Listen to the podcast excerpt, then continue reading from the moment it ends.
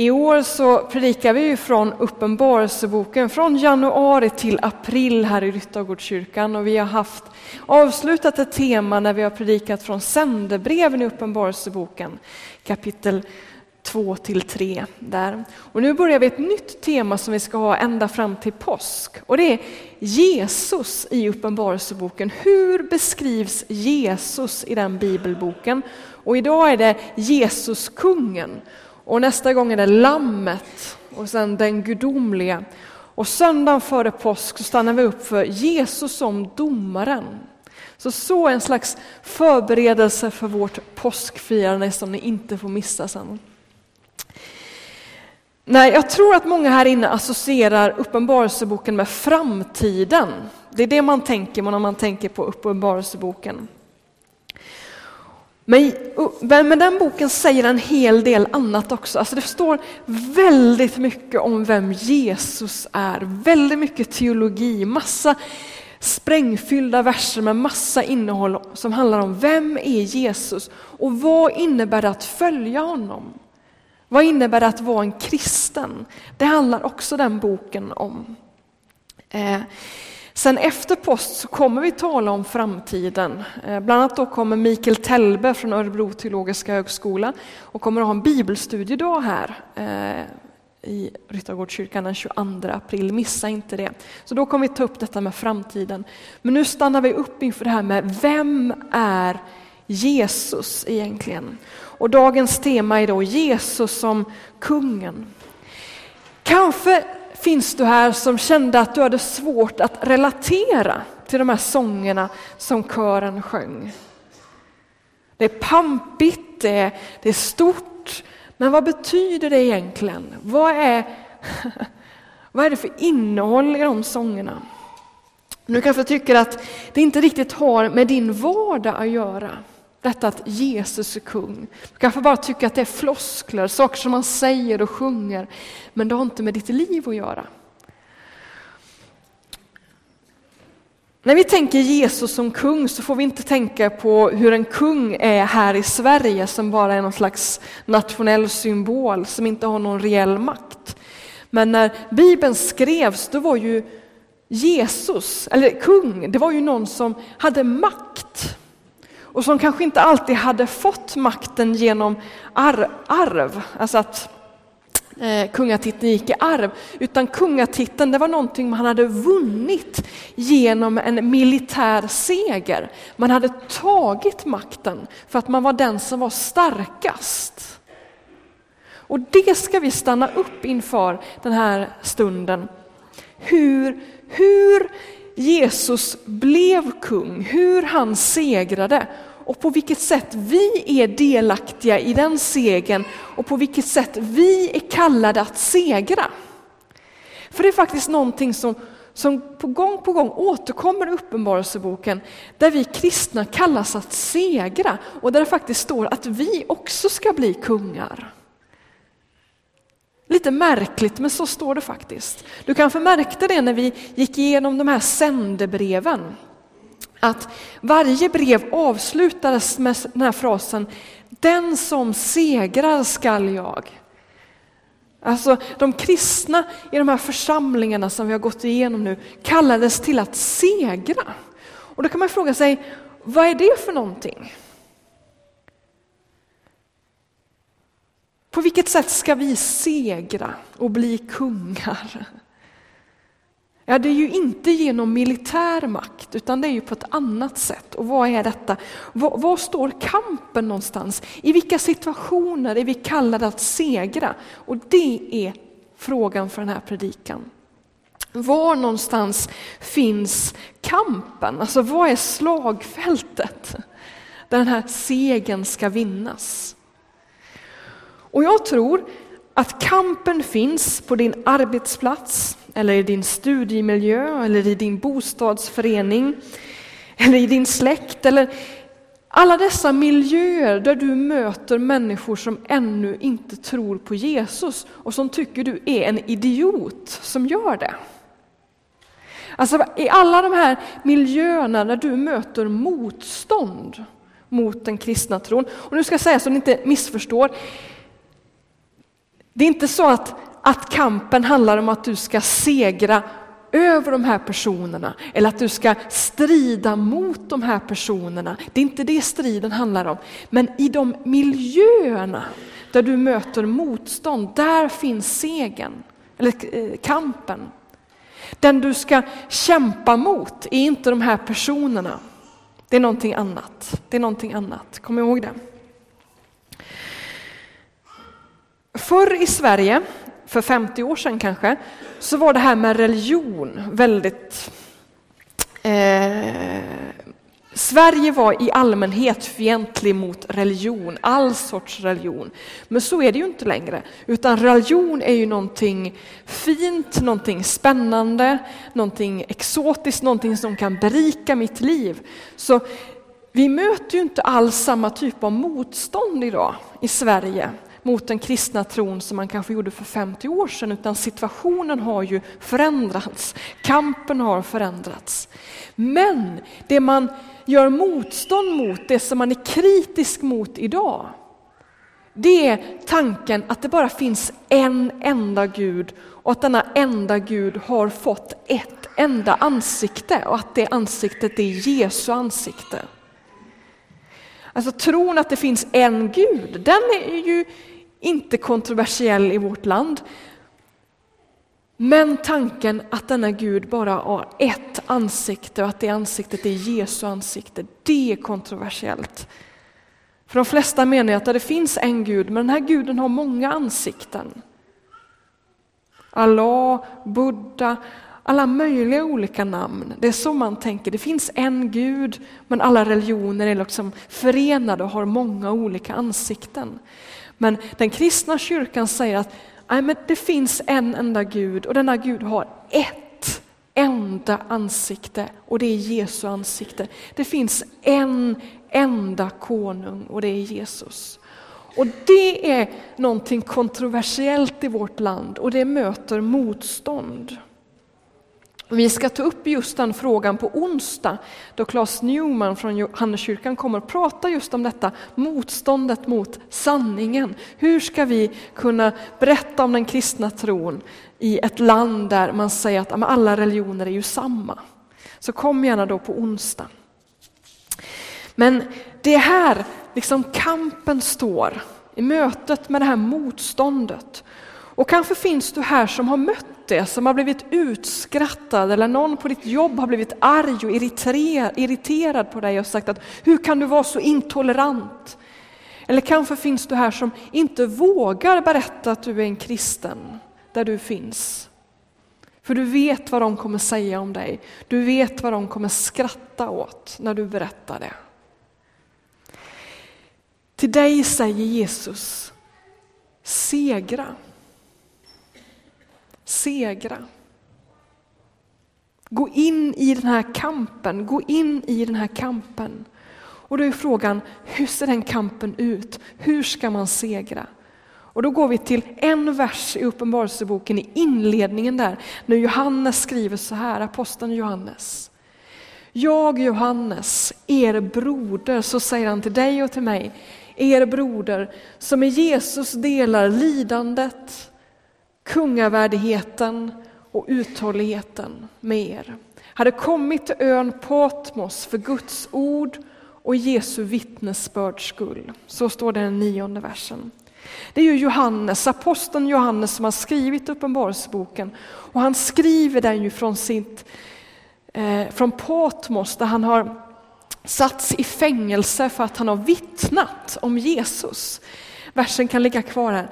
Eh, han har han har blivit fängslad på grund av vittnesbördet och på grund av Guds ord. För att han har sagt just det som, som står i Johannes evangeliet, en annan bok som han har skrivit, att Jesus är livets vatten, att han är livets bröd. Att han är, att han är den enda frälsaren. För just detta så har han satts i fängelse på ön Patmos. Och han säger till dig, jag delar i Jesus med dig lidandet, kungavärdigheten och uthålligheten.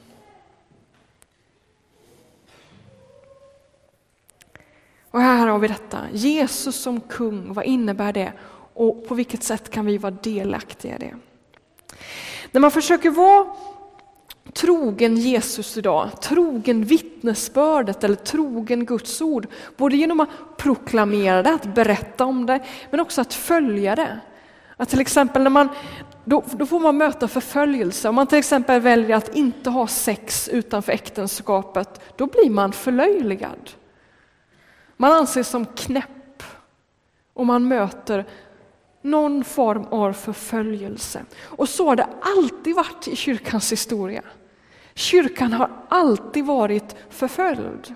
Vi tänker ju att ja, men kyrkan var förföljd de första 200 åren. Men faktum är att det aldrig funnits så många kristna martyrer som nu. Alltså visst, kyrkan var förföljd de första 200 åren, men då var kyrkan heller inte så stor. Men idag har vi aldrig haft så många martyrer som nu. Runt om i vår värld. Människor som dör för att de tror på Jesus. Så ser inte förföljelsen ut här. Vi möter ett annat sorts motstånd. Men just detta att vara förföljd på olika sätt, det är någonting som är normalt. Det kristna livet innebär ett lidande som vi delar med alla kristna och vi delar det i Jesus. Jesus säger ju i, i evangelierna att men om de har förföljt mig, då kommer de också förfölja er. Jag fick ett kors att ta emot för att jag stod upp för vittnesbördet. Och du kommer också få ett kors när du står upp för vittnesbördet. Du kommer bli förföljd om du tror på mig, om du följer mig. Och Paulus säger att dopet innebär en förening med Jesu lidande, hans död. Att vara en kristen handlar om att möta lidande i olika förföljelsesituationer. De ser olika ut på olika platser i olika länder, men det är naturligt. Det har vi tappat bort. Vi tänker kanske inte så om oss själva, men så är det. I Jesus så delar vi lidandet. Och detta lidande innebär en kungavärdighet. Det är det som är så stort. Temat är ju då Jesus som kung och då är frågan hur blev han kung? Jesus, till skillnad från alla andra kungar genom tiderna, blev inte kung genom att strida med vapen, genom att döda andra, utan han blev kung genom att själv dö. Genom att bli svag, som Ida vittnar om. Alltså i svagheten händer det någonting. Det är där det vinns en seger. Och det här är så radikalt annorlunda om just den här idén om att segern vinns genom lidande handlar Uppenbarelseboken om. Vi kanske går och tror att Jesus alltid har varit kung, men, men så är det inte enligt Bibeln, utan den som sitter på tronen, det är allhärskaren Gud. Det återkommer flera gånger i Uppenbarelseboken. Den som sitter på tronen är Fadern. Men för att Jesus valde att gå korsets väg så säger Fadern kom. Kom och sitt hos mig på min tron. Du kan läsa om det i kapitel 4 och 5 Uppenbarelseboken, hur, hur, hur, Johannes får se den här mäktiga tronen och höra fantastisk lovsång och se hur Fadern sitter där. Och så kommer det fram ett lamm, ett slaktat lamm som Fredrik kommer predika mer om nästa, nästa söndag. Ett lamm, en martyr, Jesus med såriga händer. Han kommer fram inför tronen och så säger Fadern, kom. Du är värdig att sitta på min tron. Du är min kung. Så vinns segern genom att Jesus höll fast vid sanningen om att Gud är kärlek, att Gud är ödmjukhet. Att Gud är trohet och trofasthet. Så gick han in i döden. Och det var så han blev kung, genom att böja sig ner, ta emot korset, ta emot slagen, ta emot hånskrattet och misshandeln och förlöjligandet. Så blev han konung. För, förr kunde man se, det kan man fortfarande se, folk hade broderade tavlor. Du kanske har en sån tavla hemma där det står korset först och kronan sen. Det är en slags sanning som finns i Uppenbarelseboken.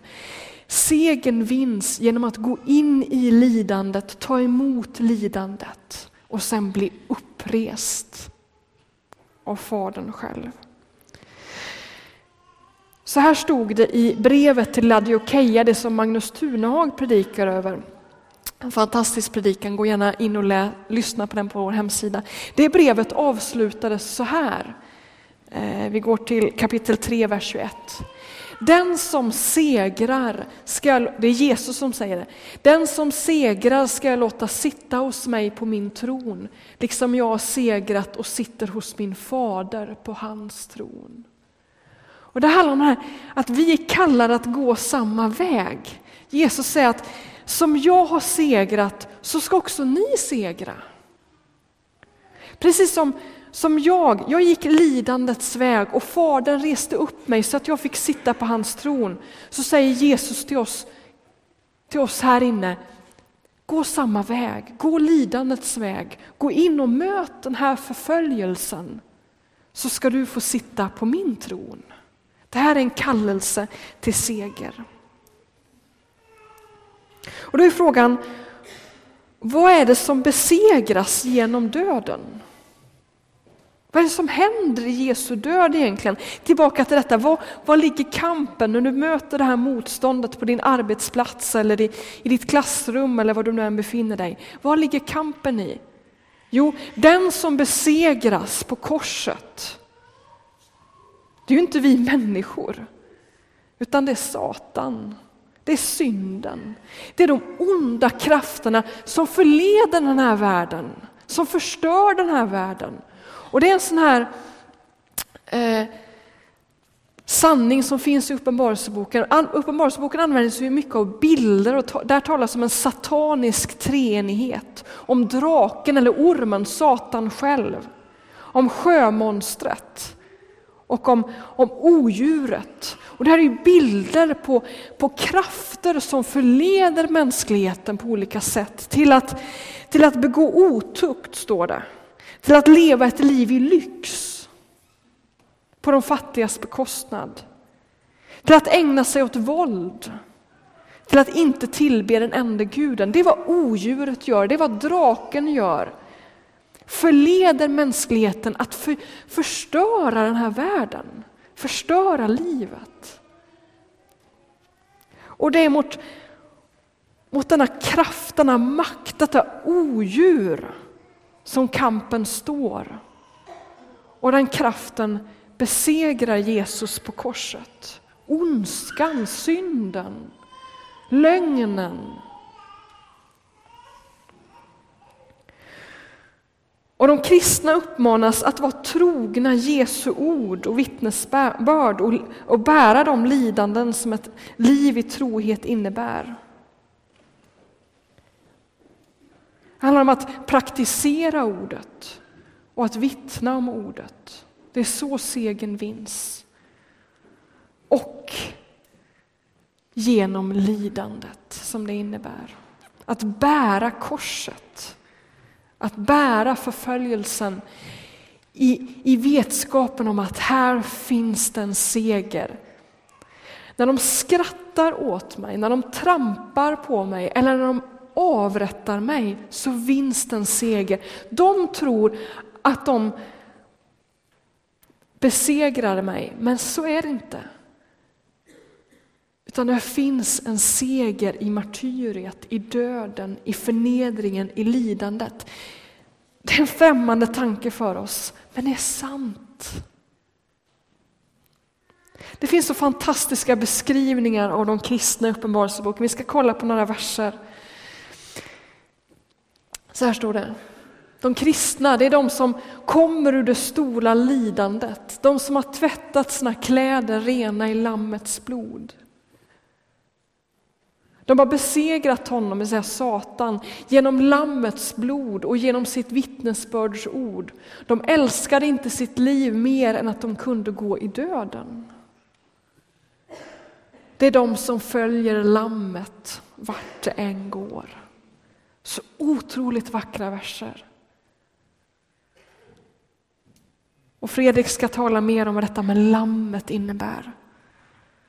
Det här är vägen, det är så segern vinns, genom att följa Lammet. Gå korsets väg, möta hånskrattet, möta förföljelsen, möta motståndet och veta att genom, genom lidandet, genom att jag frivilligt går in i det här lidandet med en glädje, en ödmjukhet, genom att vända andra kinden till, genom att inte slå tillbaka.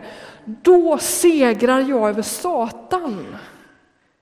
Det är det som sker. Vi människor, när vi kämpar med varandra, då, då, slår vi varandra, då strider vi mot varandra.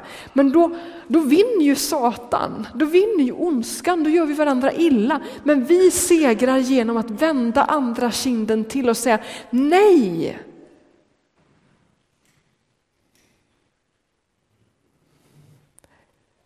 Segern vinns på ett annat sätt. Riket kommer på ett annat sätt. Det kommer inte genom våld, inte genom makt på det sättet, utan det kommer genom ödmjukhet och genom lidande. Att vända andra kinden till, det är så segern, segern vinns.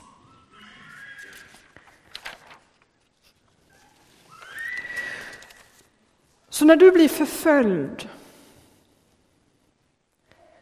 sträck på dig.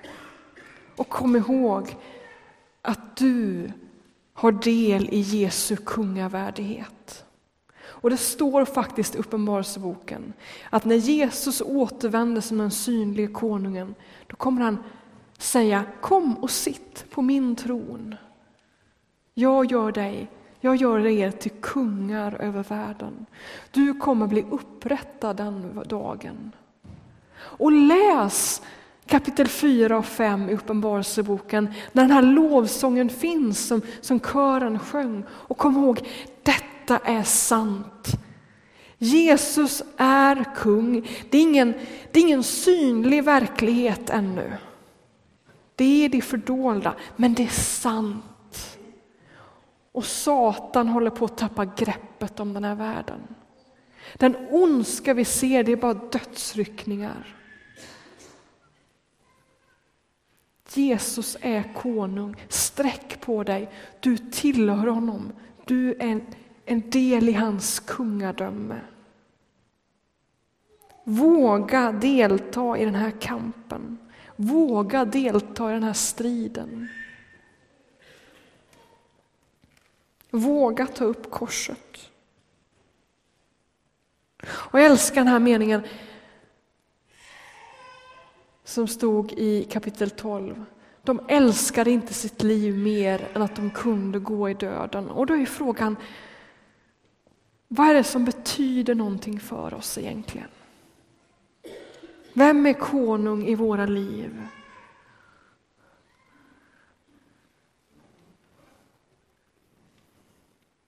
Det står ju om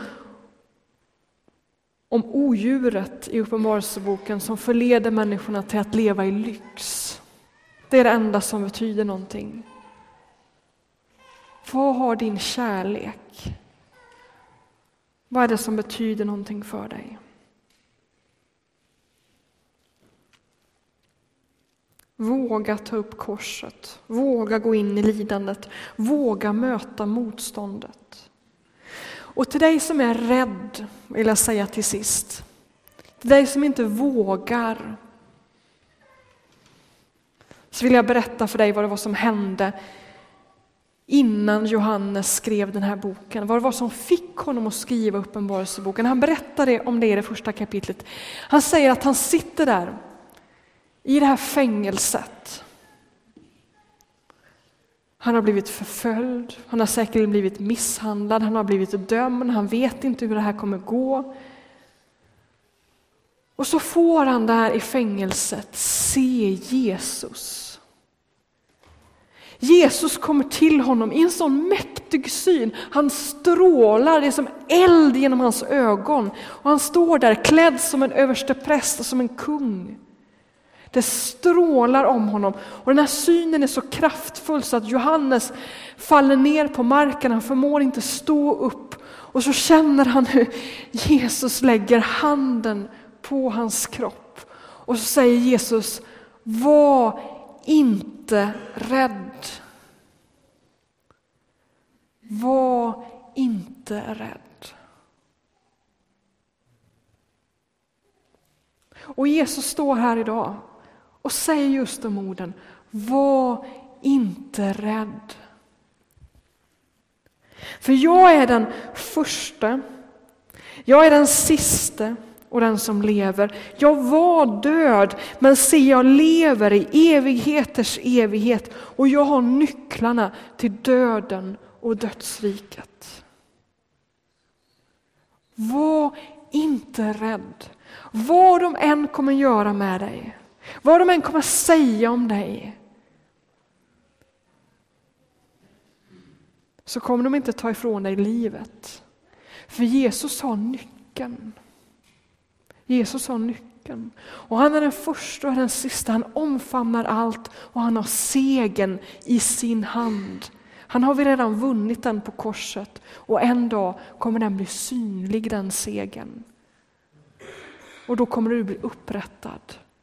Så ta till dig det ordet den här gudstjänsten. Du som är rädd, du som inte vågar vara offentlig med din tro, du som inte vågar möta detta motstånd, du som inte vågar gå in i den kampen.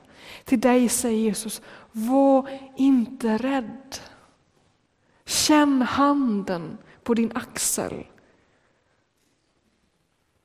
Och kom ihåg att Jesus är den mäktige. Han är konungen. Och han vinner segern på ett helt annat sätt än världens härskare gör. Låt oss be. Jesus, vi tackar dig för att du gick före. Vi tackar dig för att du Du visade en väg, du vågade. Du tog ditt kors på dig och du vann en seger över Satan. Och vi tackar dig för alla de människorna som har följt dig genom historien. Alla dessa martyrer som har varit trofasta in i döden. Vi tackar dig för alla de människor som, som vågar gå den vägen idag. I Asien, i Mellanöstern. Och Herre, hjälp oss att kunna känna att med dem delar vi lidandet, kungavärdigheten och uthålligheten. Hjälp oss att vara uthålliga här i Sverige, att möta den förföljelse som vi möter här. Hjälp oss att vara trogna dig och hjälp oss att förstå att det finns en kraft i att vända andra kinden till. Hjälp oss att inte bli aggressiva, arga, utan hjälp oss att visa kärlek mot dem som förföljer oss. Och till den som är rädd, ingjut mod, ingjut mod. Låt oss få höra dig säga, var inte rädd. Jag är den första och den sista, jag har tagit makten, jag är konung. Var med i denna förbönstund som vi nu ska ha. I Jesu Kristi namn. Amen.